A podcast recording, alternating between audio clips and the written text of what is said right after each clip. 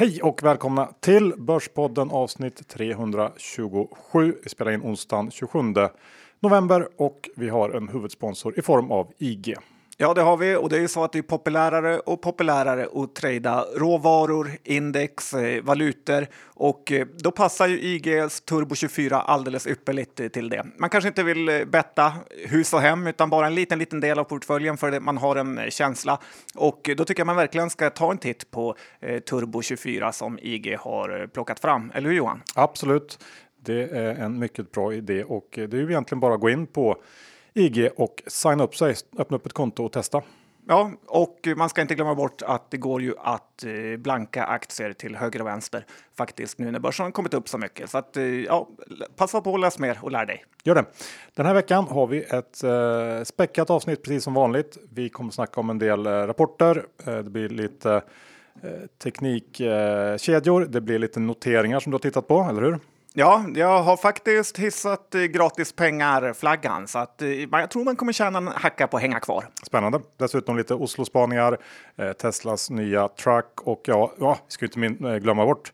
Vi hade ju besök också av Beijer Refs vd Per Bertland. Den lilla intervjun kommer också i den här podden så att ni hör ju. Det är mycket. Ja, han kanske varit lite underskattad sådär, men Börspodden plockar fram de bästa. Bäst av det bästa, det är de som är hemma här. Så är det. Och innan vi kör igång så ska vi också säga att vi är sponsrade av DI Digitalt. Um, vi går ju in i den här Black Week och Black Friday nu och uh, Dagens Industri är ju inte sämre. Uh, de har i och för sig sitt erbjudande som kallas för uh, Pink Friday erbjudande istället för Black Friday. Det är lite kul. Ja, reklamavdelningen jobbat hårt på. Ja, eh, men det innebär att eh, man får 50 i rabatt på DI Digitalt i 12 månader. Eh, En riktigt bra deal tycker jag. Det är alltså 200 kronor i månaden istället för eh, ordinarie pris 399 och eh, då får man då obegränsad digital tillgång till nyheter och analyser på di.se och i appen. Man får e-tidningen redan kvällen före. Det är någonting som jag själv uppskattar väldigt mycket. Ja, jag vet att du läser på.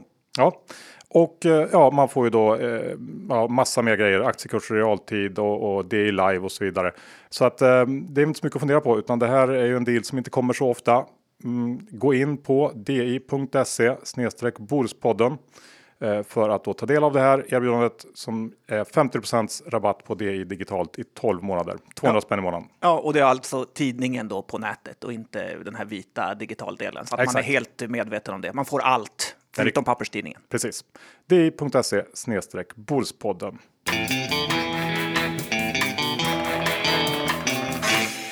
Johan Dr. Bass Isaksson indexar i 1745. Vi hade en liten svacka här. Det började kännas eh, som att börsen kanske ändå skulle eh, få en liten rekyl nedåt. Men nu är vi uppe här och nosar igen på eh, toppnivåer, eh, både i USA och i Sverige. Red ut begreppen. Nej, men precis den här nedgången som jag trott ska komma, den tar sig ju inte.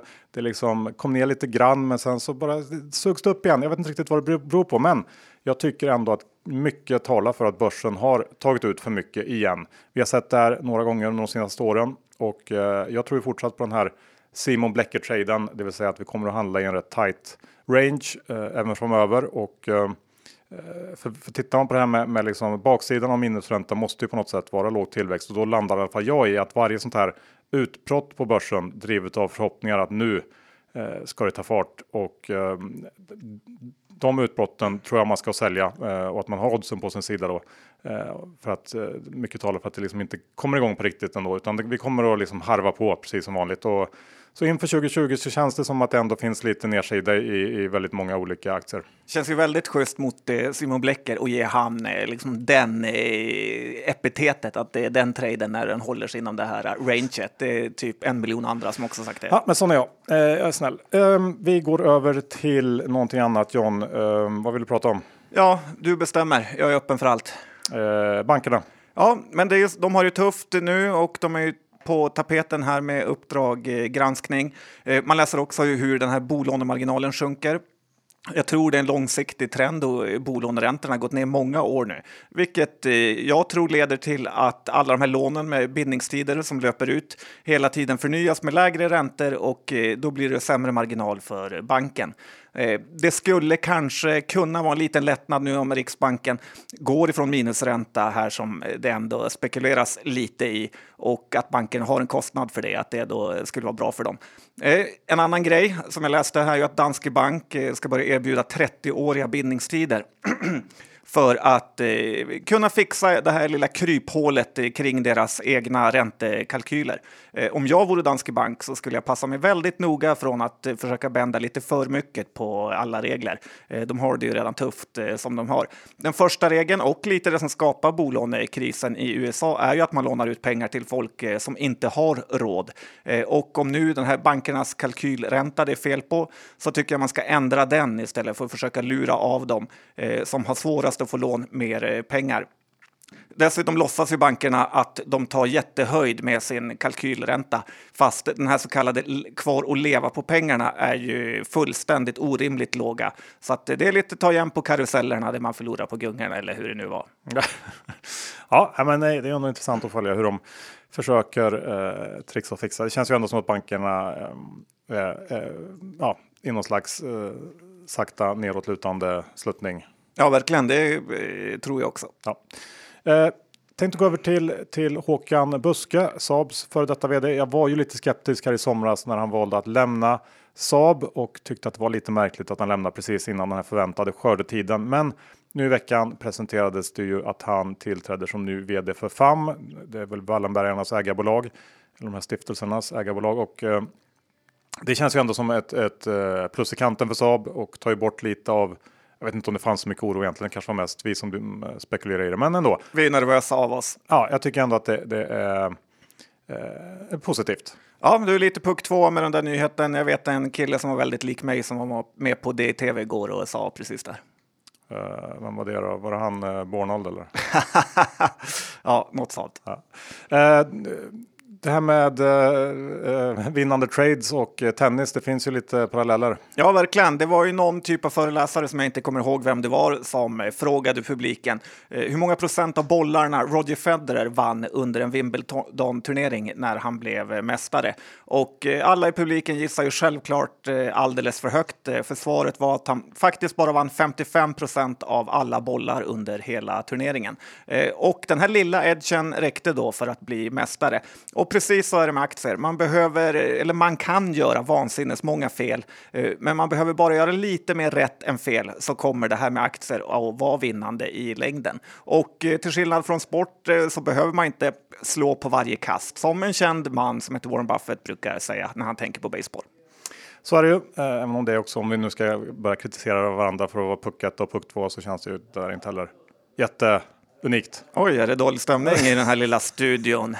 Nej, bara eftersom du, vi, nej, men vi lämnar sådana där grejer och går in på eh, Tesla istället. Ingen har väl undgått att Tesla presenterar sin eh, Cybertruck här i veckan. Eller hur? Nej, verkligen inte. Det var eh, väldigt kul. Ja, och först av allt så måste jag ju säga att jag tycker att den är briljant och den här bilen har faktiskt fått mig att helt ändra åsikt om eh, honom. Jag, jag, har ju gått runt och småhatat Elon Musk ett tag, men nu älskar jag honom. Hatar han jättemycket? Nej, nej, jag älskar honom. Ja. Jag tycker att eh, den här bilen känns ju på riktigt innovativ och den är ju helt annorlunda än något annat som finns på marknaden. Cybertrucken är ju dessutom en pickup och det är en monsterkategori i USA. Vi har ju den här Ford eh, F150 som på något sätt är liksom förlagan till alla andra pickups och eh, den är ju enorm. Liksom. Jag tror den toppar alla säljlistor i USA och har gjort det liksom alltid. Eh, och och liksom alla pickups ser ut ungefär som den.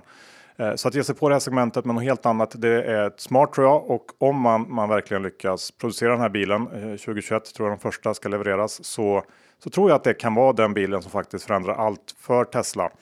Eh, priset är också riktigt, riktigt bra. Jag såg att sneak-varianten ligger på 39 900 dollar och eh, den värsta versionen ligger på 69 900. Eh, ändå rimligt prissatt får man säga. Ja, verkligen.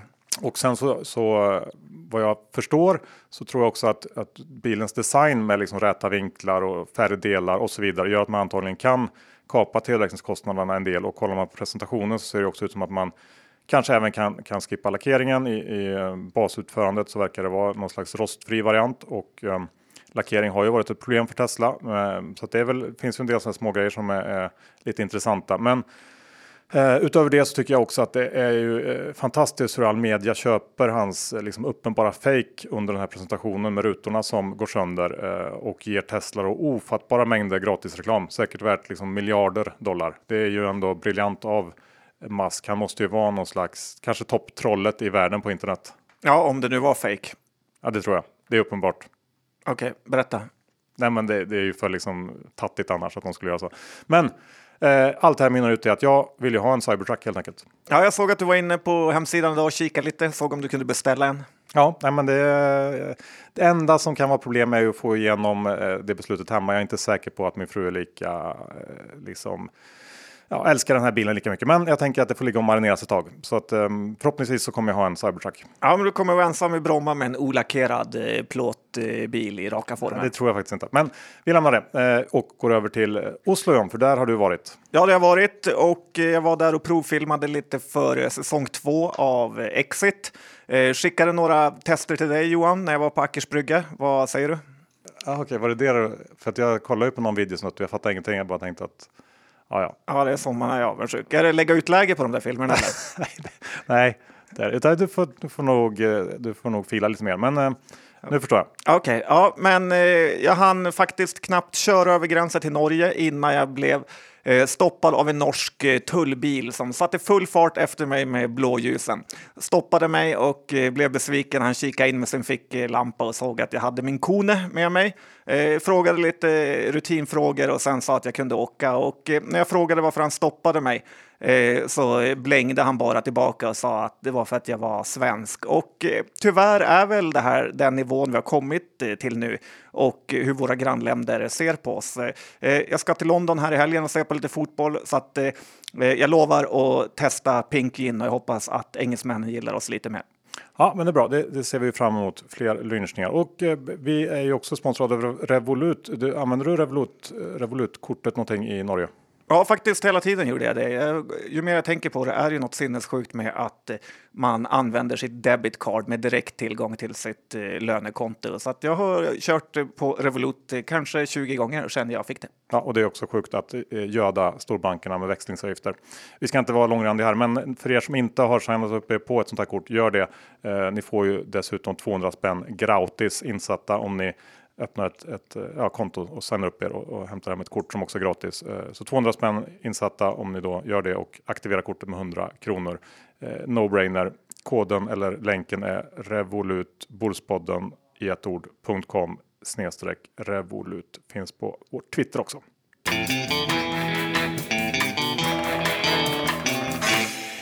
Vi är sponsrade av CDLP och eh, jag vet inte, nu borde väl de flesta av våra lyssnare ha testat eh, CDLPs kalsonger i det här fantastiska miljövänliga materialet Lycocell eh, som andas och extremt lent. Eh, vad säger du själv John? Ja, det är helt otroligt. Nu när jag åker till England här i veckan ska jag ta på mig mina long johns för de är verkligen kvalitetskänsla i dem kan jag säga. Deras lyx långkalsonger, jag har också ett par sådana, de är grymma. och personligen så använder jag egentligen bara eh, CDLP-kalsonger nu och eh, får lite så här äckelkänslor om jag råkar eller tvingas sätta på mig eh, något annat märke. Så att, eh, det är inte så mycket att fundera på och nu när det är gifting season så att säga så är ju CDLP-kalsonger ett eh, perfekt alternativ att ge bort i present eller kanske önska sig själv, eller hur John? Ja, det är nog säkrast att köpa dem till sig själv om man vill ha dem. Ja. En bra eh, karl reder sig själv som man sa. så passa på nu när det är Black Friday och uh, köp uh, till dig själv eller i present. cdlp.com. Vi är också sponsrade av Lendify John. Det är vi och det är ju fantastiskt hur man skapar sig ytterligare ett eh, kassaflöde som är helt oberoende av börsen. Börsen har ju gått upp extremt mycket eh, i år, så det kan vara värt att ta lite pengar från bordet för att eh, skaffa sig ett eh, kassaflöde som inte kommer från börsen och eh, det gör man enkelt på lendify.se. Så är det och vi träffade ju Erika på Lendify i veckan. Jag tror många inte riktigt är medvetna om den grundliga bakgrundskoll de faktiskt gör på alla låntagare. Det är, man kanske luras och tror att det är enkelt att få lån eh, hos Lendify, men så är det inte. Nej, och sen ska man komma ihåg att en av storägarna bakom Lendify är ju Martin Gren, så att eh, de har ju hela faderullan. Så det. Eh, vill ni eh, testa det här, då kan ni göra det med fördel via vår länk lendify.se Bordspodden för går man in via den och investerar minst 20 000 kronor, då får man 500 kronor extra insatta på kontot och det är en bra start.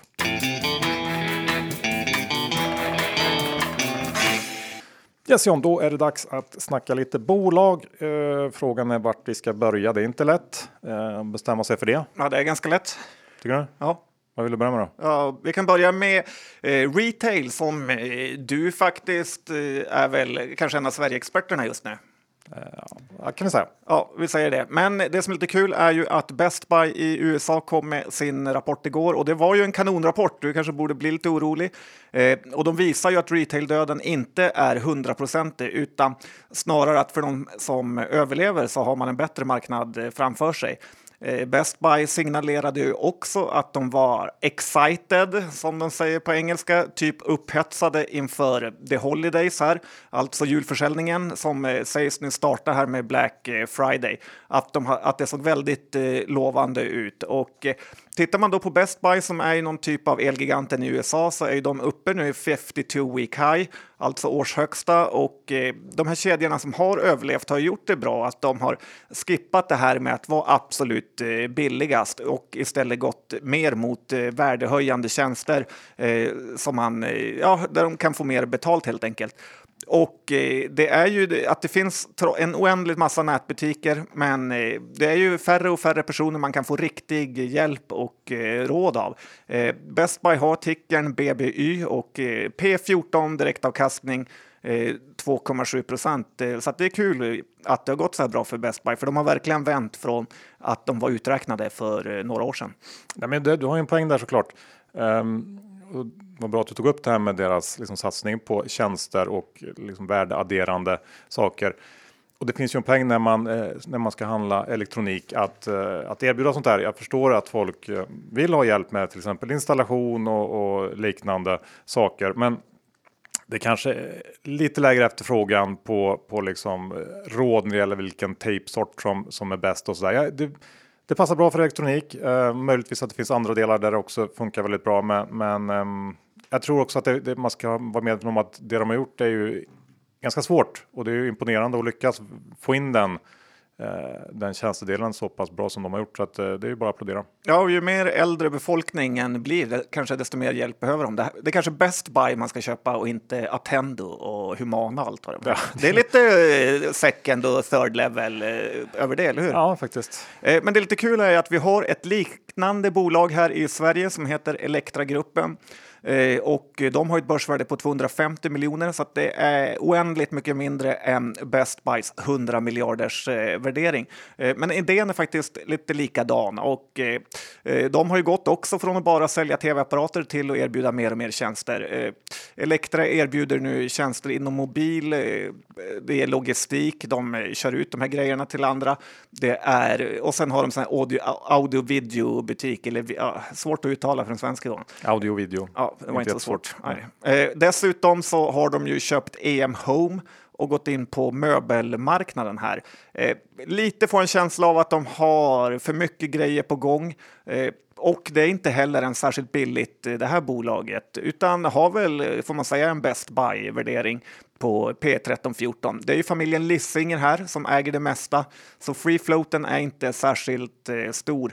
Eh, jag vet ju att du har ju följt det här bolaget eh, under din tid eh, som analytiker lite grann. Så är det, Kalmarfamiljen.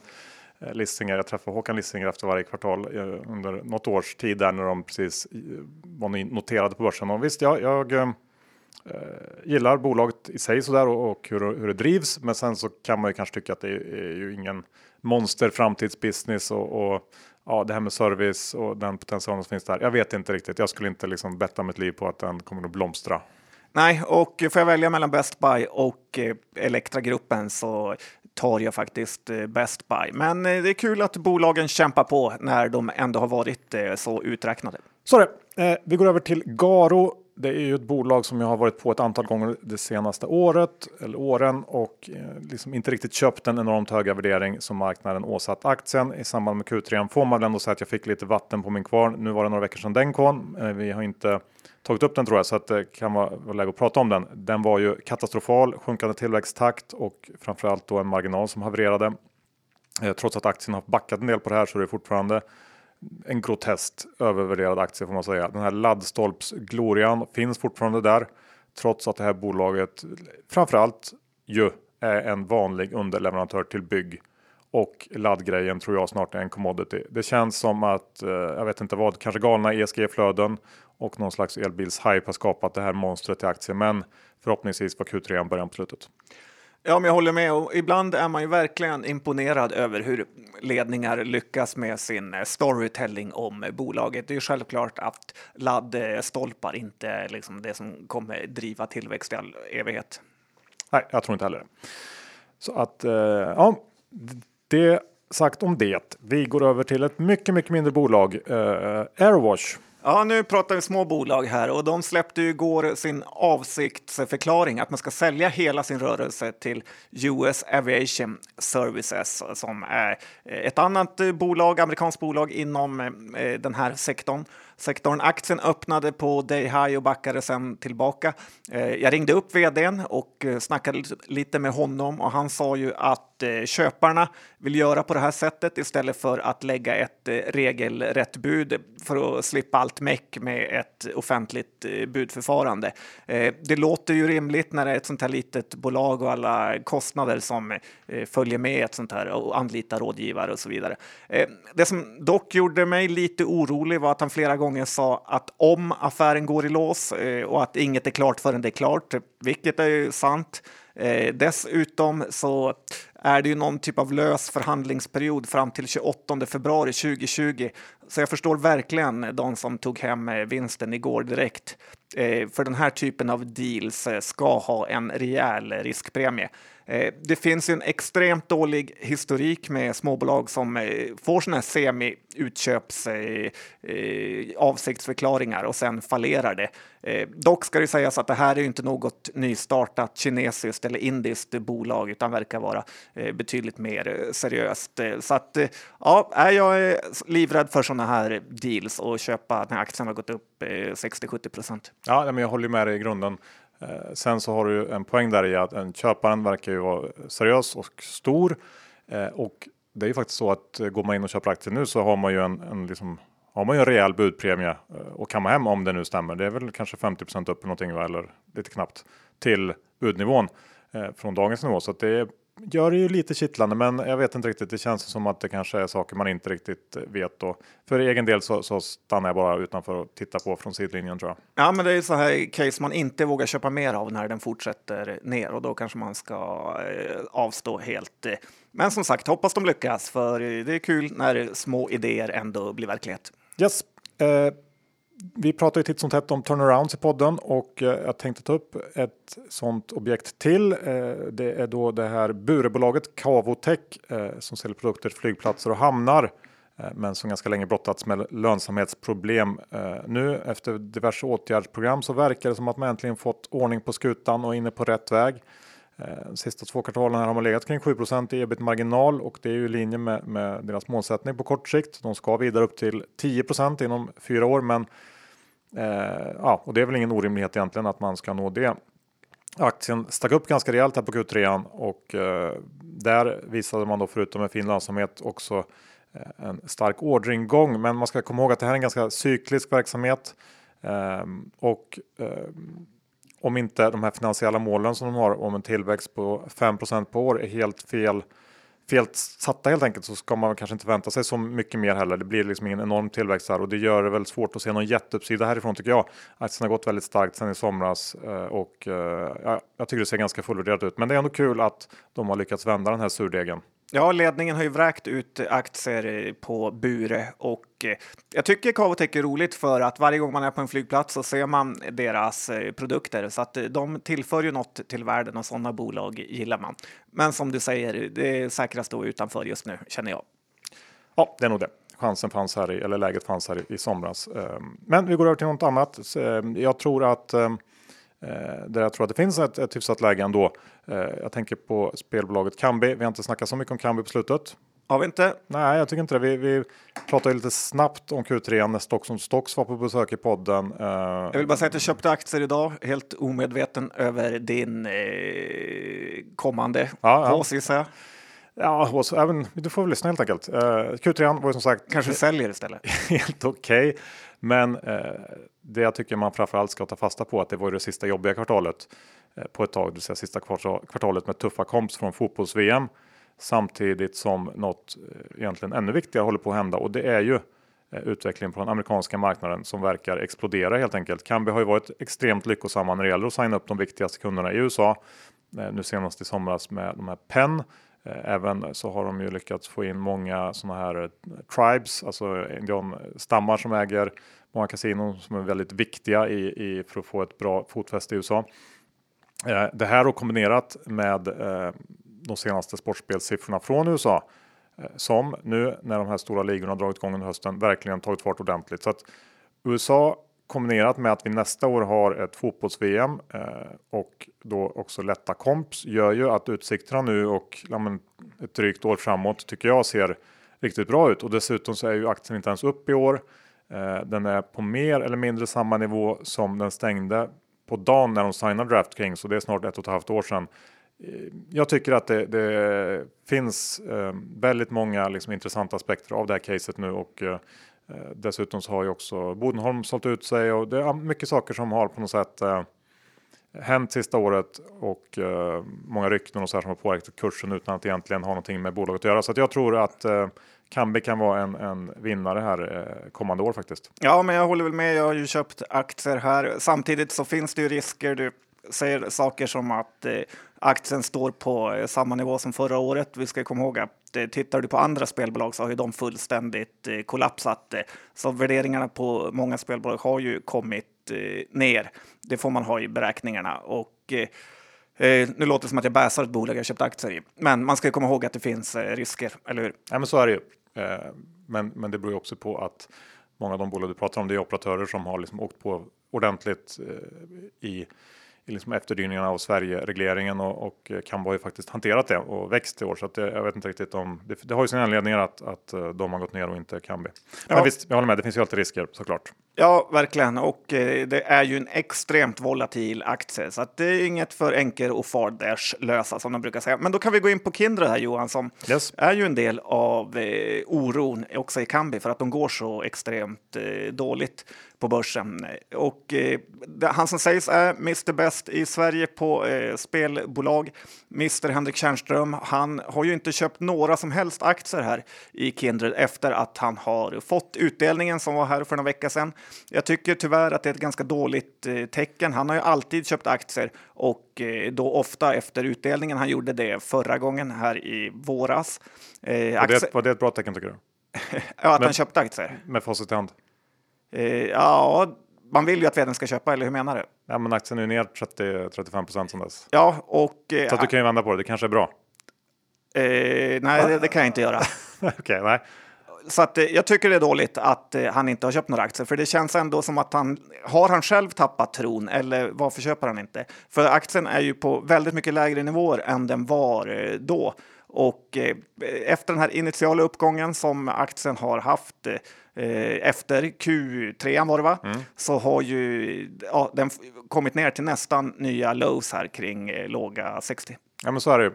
Och visst man kan ju ha, ha åsikter om det här med eh, Kärnströms insiderköp eh, eller uteblivna sådana. Men, men eh, han har ju en ganska stor exponering och jag gissar att det där är merparten av hans eh, privata förmögenhet utan att alls ha en aning egentligen. Men, men det känslan är ju det. Eh, vad har han? Han har aktier för runt 100 miljoner kronor. Ja, jag kollade idag på hemsidan. Han har aktier för ungefär 100 miljoner. Ja, det är ju en ganska okej okay exponering. Jag tycker inte att man ska känna sig tvingad att liksom stoppa in sista öret i, i sin aktie, eller? Ja, han kanske känner lite så. Och det är ju inte omöjligt, vem vet, nu är det ju verkligen spekulationer, men han kan ju ha liksom belåning på de här aktierna och, och så vidare. Det, ja, svårt att veta. Exposar vi Tjärnström för mycket nu när vi går igenom hans eh, privatekonomi? Ja, vi vet ju inte, vi bara spekulerar. Ja, snillen spekulerar. Ja. Eh, vi fortsätter väl med det. Det är det som har gett oss eh, den aura vi har idag. Ja, Ska vi titta lite på nyintroduktionen Johan? hemskt gärna. Och eh, det är inte mycket jag är bra på som de brukar säga, men att känna lukten av gratispengar så finns det faktiskt ingen som slår mig på det. Och eh, ni som är vana Börspodden-lyssnare vet ju att eh, gratispengarflaggan kommer upp då och då och nu är den faktiskt uppe. Och det är ju så att eh, det här är ju mest en känsla och inget att lita på, utan man måste göra sin egen hemläxa med mera, med mera. Såklart. Men K Fastigheter. Och då har vi Sveriges mest negativa journalist, eh, eh, Bråse. Han har till och med håsat det här. Eh, Bråse håsa kanske han får byta namn till nu.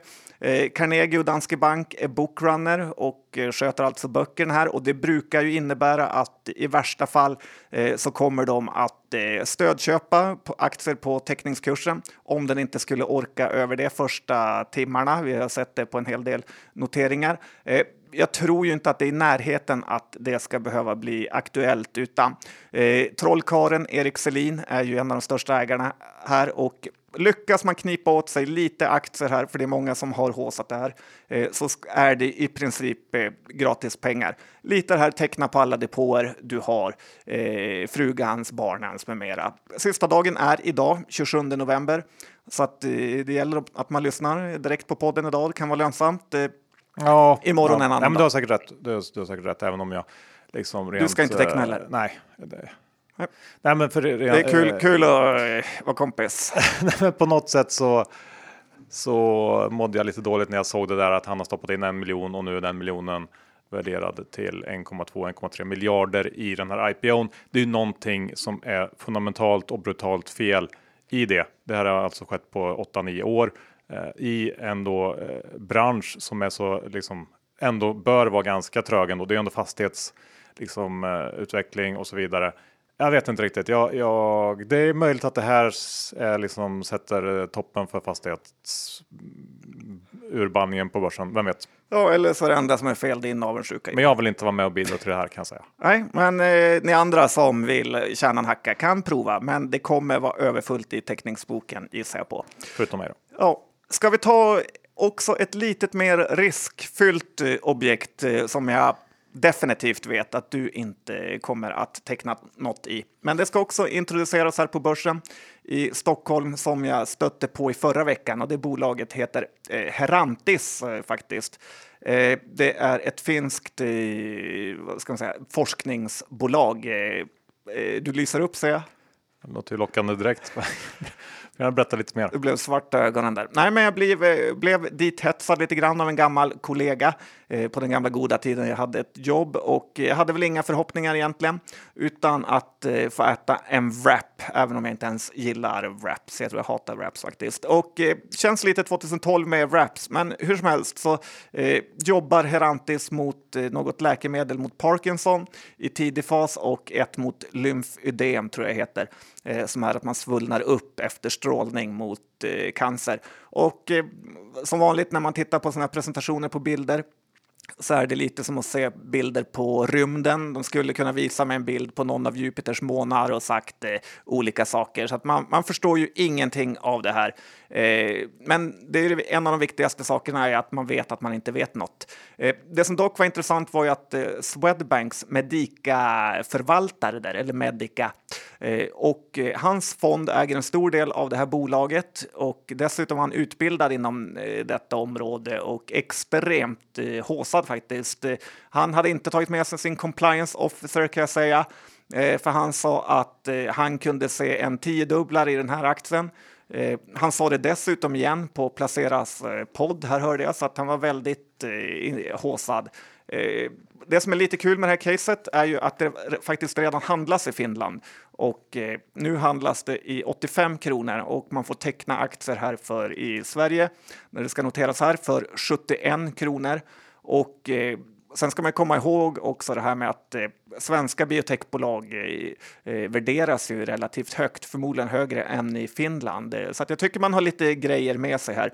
Risken är förstås extremt hög beroende på om man gör det här till en lång eller kort eh, trade. Eh, men jag funderar faktiskt också på att teckna en liten slatt här för skojs skull. Eh, men det är såklart inte riskfritt. Man kan ju alltid skylla på Swedbanks förvaltare om det blir fel. Ja, jag zonade ut lite där när det började efter Raps och tänkte på Cybertruck. Kyckling, jag, eh, kyckling wrap. Jag lyssnade inte så noga faktiskt. Jag tycker ju att uh, hela den här sektorn är så ofattbart ointressant så att uh, det finns nog ingen tråkigare att lyssna på. Men kul att du berättar om det. Varsågod. Och John, nu går vi över till någonting mycket, mycket roligare. Per Bertland, vd för Beijer Ref. Vi har snackat med honom. Det är en eh, härlig kille och BRF Beijer Ref är faktiskt ett riktigt intressant bolag. Så lyssna här. Välkommen hit. Eh, per Bertland, vd på Beijer Ref. Det har ju gått otroligt bra för er och äntligen har ni kvalificerat er in för att få med i Börspodden. Tack så hemskt mycket. Det är en stor ära att få vara här. ja, det är bra att höra. Um, vi kan väl börja med att uh, gå igenom lite kort vad, vad ni gör på Ref så att de lyssnare som inte är så insatta uh, får lite bakgrund. Ja, vi, vi är ju från början ett grossistbolag, men idag har vi så mycket mer värden att erbjuda eh, till marknaden. Vi sysslar med kyla, det vi kallar kommersiell eller industriell kyla. Och den kylan är ju framförallt till att till exempel eh, kyla livsmedel eller frysa livsmedel till supermarkets och eh, olika små affärer, glass, drycker, vad det kan vara för något. Det är den stora delen, det är nästan 60 procent av vår totala verksamhet. Och sen sysslar vi med luftkonditionering eller inomhusklimat. Och det är ju också kyla, men det är ju då mer komfortkyla. Kan även vara en viss slag av värmepumpar i detta, som, så det är även värme som ingår i det. Och detta gör vi i eh, 38 länder i fyra världsdelar och cirka 70 procent av vår totala verksamhet är Europa. 20 procent är det vi kallar APAC, det är Asien Pacific och eh, 10 procent är Afrika. Spontant så låter ju eh, det kanske inte som, när man tittar på, på aktien så har den gått fruktansvärt bra. Eh, det känns ju som en marknad där det kanske inte händer så mycket och det inte växer så mycket. Men, men någonting har ju uppenbarligen hänt eller ni har gjort någonting rätt som har lyckats få sån utväxling. Ja, vi, vi, har haft eh, vi har väl haft lite tur ska jag säga. Vi har kommit in i en marknad som är påverkad av många yttre faktorer, så kallade trender, megatrender och som vi har kommit helt rätt i. Eh, till exempel så eh, det här med global warming och växthuseffekten gynnar ju oss i dubbel bemärkelse. För det första, när det är varmt ute så så, är, så behöver man kyla, såväl kommersiell, industriell som eh, komfortkyla. Och, och, det påverkar alltid när det är varma somrar och så vidare, eh, påverkar vår verksamhet. Men framför allt så är det den här kylan, eh, den drivs ju av så kallade växthus, nej förlåt mig, F-gaser, fluorescerande gaser som påverkar växthuseffekten väldigt negativt. Och då finns det ju regulatoriska regler nu, framförallt i Europa, men det kommer även utanför världen, att kylanläggningar måste konverteras till ny kö, eh, hållbar eh, köldmedium. Och det är klart det påverkar oss för det är precis vad vi håller på med mycket. Det finns även trender som att eh, välståndet ökar eh, kraftigt eh, och, eh, och då kommer en sån som luftkonditionering som har ökat väldigt kraftigt hos den senaste tiden in, in i bilden. för det blir en, en, en välståndsfråga. I Europa så handlar det om att eh, det, jag vill inte kalla det lyxkonsumtion utan mer komfortkonsumtion. Själv har jag naturligtvis luftkonditionering i mitt hem och man väl vänjer sig. Ni, för 20 år sedan eller hade vi inte det i bilar. Idag jag tror jag inte det finns en bil utan luftkonditionering i Sverige. I utvecklingsländerna så är det, är det ju en överlevnadsfråga när du går från fattigdom till Eh, eh, kan kalla det låg medelklass, du får råd att köpa en luftkonditionering. Det köper du före tv i princip så du kan sova på nätterna. Så vi har många yttre faktorer som faktiskt har kommit som rätt för oss. Hur ser det ut med den här svenska marknaden då? Det är ändå lite intressant med tanke på hur fruktansvärt varmt det var förra sommaren och man ändå fick en liten tankeställare om man kanske behöver skaffa det. Eh, är det någon tillväxt på den fronten här? Det är stor tillväxt här. Eh, om vi pratar, jag funderar, misstänker att du tänker på luftkonditionering nu som, som framför allt eh, är det här med värme och man känner det, eh, eh, folk känner eh, av värmen på sommarna, kan inte sova. Det ökar tvåsiffrigt i Sverige just nu. Men Sverige är en väldigt liten marknad. Dels är det ju en liten population och dels så är vi fortfarande långt ifrån att vi tänker luftkonditionering. Men eh, några varma somrar till här så tror jag att även den här trenden kommer att komma i Sverige. Och vi tittar södra Europa, Paris till exempel, över 40 graders värme i sommar. Det är klart att, att det ser vi direkt i våra försäljningssiffror när de värmeböljorna kommer. Vad kostar det för en villa här i Sverige om man vill installera ja, aircondition? Ja, det, det, finns ju många lösningar här såklart. Och, och ska man ha en bra lösning ska man ju komma med våra produkter såklart. Men eh, det beror ju många gånger. Vi säljer mest det som kallas luft-luft. Det innebär att man är en utomhusdel och man har en eller flera inomhusdelar. Jag tror att man kan få en installation i sitt hem eh, installerat och klart för eh, kanske 35 40 000 och uppåt skulle jag vilja säga. Och har du, du kan ju upp till många, 15 inomhusdelar om du vill ha en i varje rum, för då är det luftbaserat. Man är ju van att farsan säger såna här grejer som att det är bara att köra luftvärmepumpen baklänges. Är det sådana enkla grejer eller vad? Ja, då får du värme. Det är det som är det fina. Då är det en värmepump. Så egentligen äh, så luftvärmepumpar idag, eller airconditionanläggningar, i, stor, i mycket stor utsträckning samma produkter. När det gäller luft luft. Just det. Nej, men vi, vi pratade om det här i, i efter sommaren eh, när jag hade varit i Spanien och då vänjer man sig vid att ha luftkonditionering och det är inte bara det här med att det blir svalt utan det känns som att man får eh, i sovrummet får man ju någon slags annan fräschör också eh, av luften och det tycker jag, ja, det skulle jag gärna ha hemma. Ja, jag rekommenderar det. Men det kostar mycket el då? Det blir man lite klimattjuv på det sättet eller? Nej, men alltså effektivitetsgraden och COP-värde och sånt är ju att det är effektivare värme. Såväl, kyla kan man ju alltid diskutera, men värme är ju billigare än en traditionell olja och gas till exempel. Jag kan nämna ett exempel på att jag var i USA och, och pratade om våra aktier för, för några, någon månad sedan. Och Amerikanerna var väldigt intresserade av vårt bolag för de har ju också sett att vi haft väldigt stor organisk tillväxt nu under en lång tid. Ehm, men de blev och, då var ju de, trodde jag att det mycket var de regulatoriska sakerna och, och, den kommersiella kylan som var deras primära intresse. Det var det också. Men när de berättade att de hade varit i Europa under sommaren och sett de här 40-45 grader värmena och kommit till en restaurang eller ett hotellrum att det inte fanns eh, eh, luftkonditionering i Europa. De, tycker, de anser att Europa är ett u-land när det gäller eh, luftkonditionering. Och de tror att, eh, jag kan ju säga att 23 procent av världens anläggningar finns i USA. 6 procent av världens anläggningar finns i Europa. Så de har den tron att här kommer bli en stadig tillväxt många, många år i Europa för att komma upp på, för detta är en need to have unit enligt deras synsätt. Och du delar det antar jag? ja, jag hoppas ju de har rätt. Jag, tänkte på de här regulatoriska eh, delarna som du pratade om i början som har gynnat er.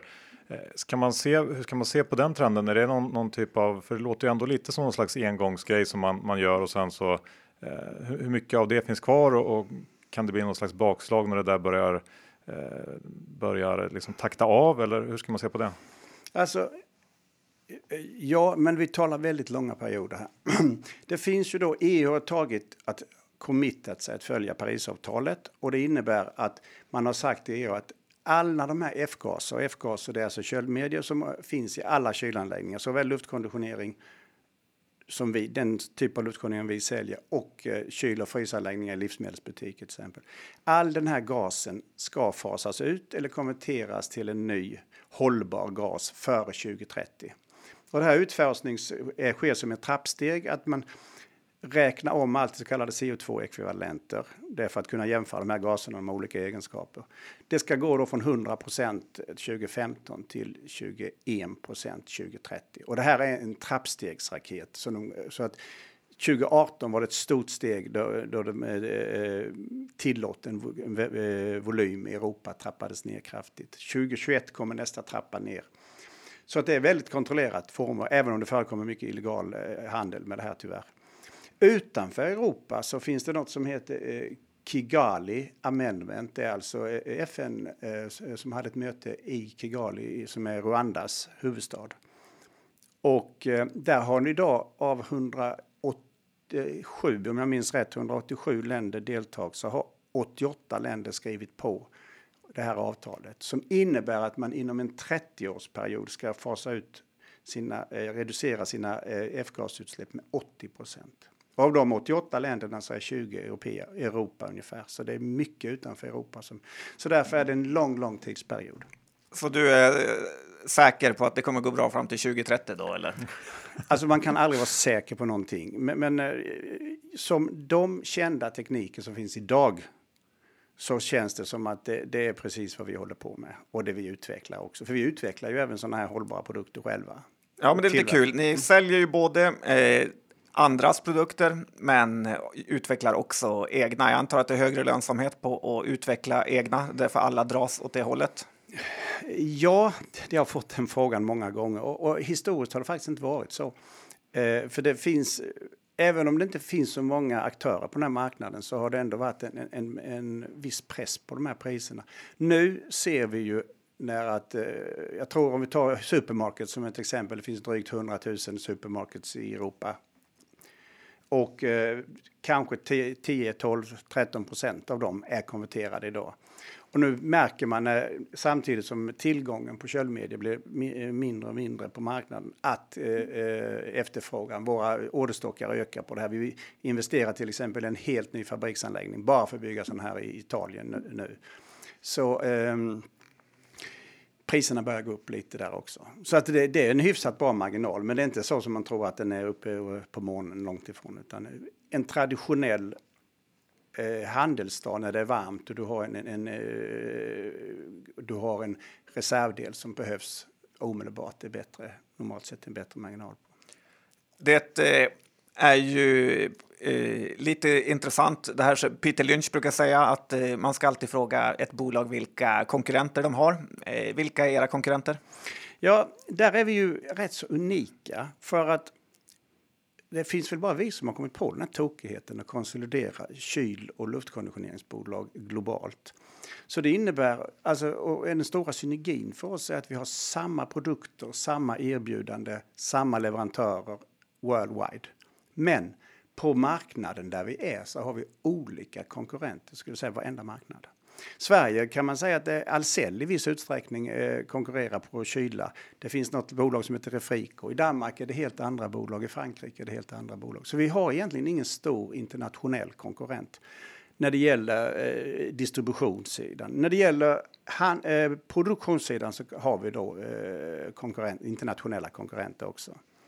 Och det är en konkurrent, Carrier, som dessutom är största ägare hos oss. Så det är ju lite kul eh, och sen finns det ett annat amerikanskt bolag också. Som är, så jag skulle säga att vi är tre stora aktörer, sen finns det ett antal mindre. Men du sa ju tidigare att ni härjar runt här i hela världen, Sverige är en liten marknad. Kan du ge en eh, bedömning på världsekonomin just nu? Är det upp eller ner eller är det som vanligt? Ja, vi sitter just nu i budget eh, och lyssnar man på våra dotterbolagschefer så är det nära eh, jordens undergång. Men det är det i och för sig alltid i budgettider. ska, men ska, eh, skämt åsido, jag skulle bedöma att det kanske är lite ner, men det känns inte något eh, dramatiskt på något sätt eh, i Europa. För eh, eh Afrika har ju drabbat, har haft det tufft väldigt länge. Där känns det lite bättre. Även Asien och eh, eh Australien och Nya Zeeland känns något bättre. Men ska vi lägga allt det i en korg och då är 70% i Europa så, så väger den ju lite tyngre. Just det. Uh, ska vi titta lite på, på hur, hur ni har utvecklats sista året här? Aktien har gått väldigt, väldigt bra i år. Uh, så att, vad, vad, vad har hänt under året och kanske framförallt här i slutet? Ja, alltså om vi tar för ett år sedan när vi lämnade vår Q3-rapport 2018. Då hade vi en tillväxt på topline med 35 procent Organisk tillväxt var 16 och ebit fördubblades. Och då föll börsen, eh, eh, kursen som en sten på den rapporten, vilket jag inte hade förväntat mig. Det som jag, jag skrev i min rapport, eh, i kvartalsrapporten vid det tillfället, att vi ser en prisnedgång på köldmedier. För köldmedier är då 10 till 15 procent av, eh, i eh, fjol var det 15 procent, i år kanske det blir 12 procent av hela vår affär. Ehm, och då var det många som tänkte att, eh, för en stor del av, förklar, av förklaringen till 2018 års fantastiska siffror, det var att vi fick mycket, eh, eh kan vi kalla det, eh, prishöjningar på köldmedier som, som gav effekt och så resultaträkningen. Eh, och då, då, skrev jag att nu ser vi en prisnedgång. Och den här prisnedgången har vi ju, eh, den håller fortfarande på, så priserna har bara gått ner och ner och ner. Eh, trots detta så har vi väl då ökat ackumulerat nu organiskt tror jag det är 5 i år. Och då har vi ändå tappat kanske 300, 270-300 miljoner innan årets slut i, i, i eh, försäljning av köldmedier. Så att eh, det har väl marknaden då eh, uppfattat som väldigt positivt och ett kvitto på att den, för att kalla det den riktiga ongoing affären med eh, att byta ut eh, utbytesprogrammet har börjat sätta igång och rulla på. Och det tror jag marknaden har uppskattat. Tillsammans med de här megatrenderna som vi pratade om lite innan. Det här eh, VDR vd brukar hata att prata värdering, men eh, som Johan sa, ni har gått upp eh, jättemycket, kring 70 procent i år, 250 procent på tre år. Ni har ett P-tal på 35, snåret däromkring. Är ni förtjänta av den värderingen?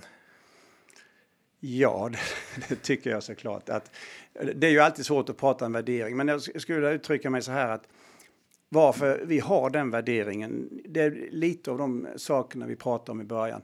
många av de här investerarna, det är intressanta framförallt nu eftersom vi börjar få mer och mer amerikanska ägare här.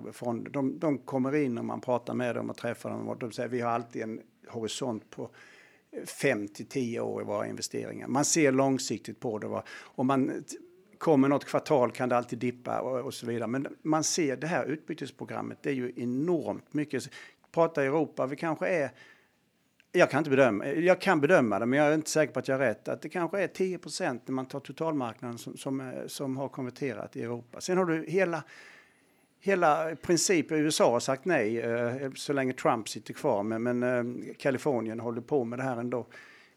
Jag tror att många investerare ser det här att det här är långsiktiga globala megatrender som, som gynnar oss och, och, och därför så, så, så tycker man kanske att, man kommer, att värderingen ligger det här just nu, men man ser en positiv utveckling. Bra kassaflöde, höjt utdelningen varenda år i 20 år i rad och så vidare.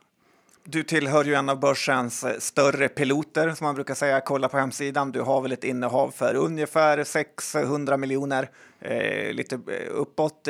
Vad, eh, vad ska du göra med all? Vad är ditt endgame till det här? Är det utköp eller vad, vad, hur tänker du?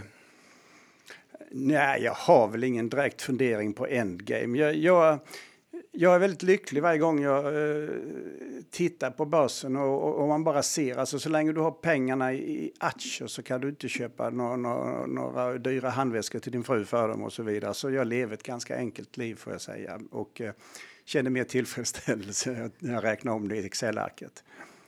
En annan fråga här som jag har tänkt på, ni har ju huvudkontor i Malmö och eh, det är mycket snack om att Malmö håller på att kollapsa. Vad är din tankar kring eh, det? Ja, alltså, ja, jag tycker ju att Malmö är lite hårt orättvist utsatt i media får jag säga. För det finns väldigt mycket fint i Malmö också. Sen ska man ju inte sticka under stol med att, att, att de här senaste skjutningarna och sånt är, är väldigt otrevligt när det händer. Och, och ehm, ja, eh, hopp, jag hoppas ju att man kan komma åt det här nu genom att sätta in hårdare åtgärder. Nu är ju det här utsatt, eh, kallat en utsatt, som en särskilt utsatt händelse. Och, och, och, polisen gör sitt och politikerna gör sitt. Och jag tror ju att med tanke på Malmös fina läge, vi har, jag själv reser ju väldigt mycket, jag har och uh, sex kvart hemifrån så åker jag till Köpenhamns flygplats som har oerhört mycket mer förbindelse än till exempel Arlanda. Uh, vilket är en kvalitet när man reser. Och det finns eh, oerhört, från Kastrup tar det 20 minuter in till Malmö city med, med tåget och så vidare. Det finns väldigt många fina fördelar i Malmö och jag tror Malmö kan komma igen. Det byggs mycket. Det har varit pris, nu var det senast var inte prisuppgång, det har varit prisuppgångar på fastigheter länge. Så att Malmö är en delad stad. Malmö har stora problem, men Malmö har också stora möjligheter. Det är min uppfattning. Ja, men kul med lite positivism. Ja, eh, om, vi, om vi då blickar framåt lite grann. Du sa att ni sitter i budgetarbete, men, men eh, vad, vad, är viktigt för er kommande år? Eh, nej, jag tycker det är nog väldigt viktigt för oss att eh, vi är ju rätt så förvärvsinriktade. Nu Q4 i år blir det första kvartalet på väldigt länge som vi inte kommer ha något eh, extra tillskott av förvärv. Och det tycker jag egentligen är lite tråkigt. Så att eh, hitta vilket vi redan har. Vi har eh, alltid många pågående diskussioner. Men jag skulle kunna säga att sy ihop och få till ett, ett förvärv nu i framtiden, det känner jag eh, som eh, mycket angeläget. Jag känner också som mycket angeläget att den europeiska kyltekniska kunnandet vi har, hållbara kunnandet, att vi implementerar det i våra eh, eh länder utanför. Vi har precis gjort det i Kapstaden, Sydafrika. Vi håller på att bygga en ny anläggning i Sydney, Australien. Vi har en fin anläggning i Shanghai och vi har en i Bangkok. Att de här anläggningarna då ska bli duktiga, för vi bygger upp stora starka plattformar på de här platserna. För vi vill vara, stå beredda och vi vill kunna erbjuda den lokala marknaden nya eller hållbara produkter när det sätter igång. Det har redan satt igång lite i Sydafrika. Det har redan blivit leverans i Australien och, och Nya Zeeland och så vidare. Så att det är viktiga saker för oss. Men hur ser du till att inte bli lurad när du gör de här förvärven? För jag menar, man kommer från eh, eh Sverige här så ska man köpa något i Sydafrika eller i USA eller Australien. Att man ja, helt enkelt inte köper grisen. Du vet, det är svårt att lura en smålänning. Nej, men det, det, det, är, det är en jättebra fråga. Och, men jag upplever hittills att jag har säkert varit med själv i 50 förvärv eh, under min tid här. Och eh, jag känner mig nog inte lurad vid nästan ett enda tillfälle. Jag känner en trygghet i affären, för vi kan ju den här affären. De bolag vi köper, de sysslar med exakt vad vi, vad vi gör. De har de produkterna, jag känner, vi känner produkterna. Och den due diligence vi sätter mest värde på, det är att gå igenom varulag. Vi skickar våra egna ingenjörer och experter och går igenom så vi inte eh, blir lurade där på något sätt. Kundfordringar, den andra stora eh, massan i en balansräkning, den eh, kan man alltid gardera sig för ett avtal om det finns eh, dåliga betalare och så vidare. Och sen så vet vi att vi kan alltid tillföra nya produkter. Vi kan alltid tillföra våra globala eh, rabatter så de får bättre villkor. Så vi, vi, nästan alltid tillför någonting på grund av att vi har global, så global inköpsstyrka. Så vad vi egentligen gör när vi etablerar oss på en ny marknad, vi, vi skaffar nya kunder på den lokala marknaden. Och det har gått bra, det har gått bra hittills. Men man kan alltid bli lurad, eh, det, det vet jag. Det finns många länder som, som har annan tradition än vi har. Hur mycket av din, din tid lägger du på att leta förvärv och jobba med det? Nu så lägger jag rätt så mycket av min tid. Eh, jag har inte gjort några på sistone. Men eh, jag försöker lägga rätt så eh, svårt att kvantifiera. Jag ska åka, jag ska inte säga var jag ska åka nu, men jag ska åka på onsdag, på söndag ska jag åka utomlands just i ett sånt syfte till exempel. Så att jag letar inte, utan många gånger så blir vi kontaktade. Det är det som är det fina många känner till oss och jag har lärt känna många för jag har rest så mycket i, i mitt liv. Men det, av mina arbetsuppgifter idag så är väl förvärv en, en viktig bil, bygga de kontakterna. Och sen är det att uh, sitta med Börspodden till exempel eller gå på kapitalma eller inte kapitalmarknadsdagar men uh, till investorer och, och dylikt. Ja, ja, men det låter väl som en trevlig vardag. ja då, det, det, jag klagar inte. Jag tycker det här är kul. Per, vi, vi, eh, tiden börjar, börjar väl gå ut här, men mm. så att vi får tacka dig och så får vi väl önska att ni eh, hittar något riktigt monsterförvärv här nästa år. Ja, det hoppas jag också. Då vore det kul att komma hit och få berätta om det. Absolut. Ja. Tack för att du kom. Tack så hemskt mycket.